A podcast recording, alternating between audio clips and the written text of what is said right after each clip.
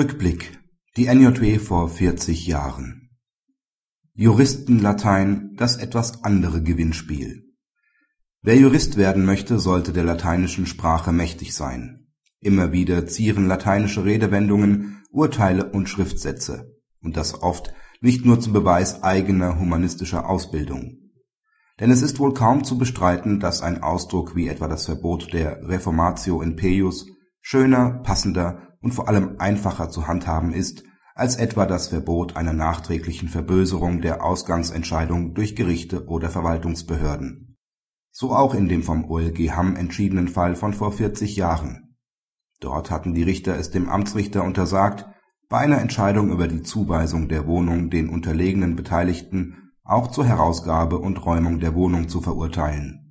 NJW 1969, Seite 886 Stichwort Reformatio in peius Dass die Reformatio in peius auch in diesem Jahrhundert modern ist und sogar über die Grenzen von Deutschland hinaus Beachtung findet, beweist die im Leitsatz auf Seite 1405 abgedruckte EuGH-Entscheidung.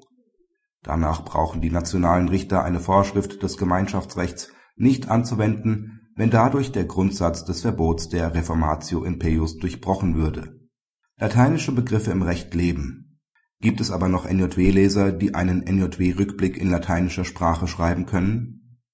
Unter allen Einsendungen an leserbriefe@njw.de verlosen wir das Buch von Benke Meisel Juristenlatein. Maximal 2000 Zeichen, Einsendeschluss ist der 1.6.2009, der Rechtsweg ist ausgeschlossen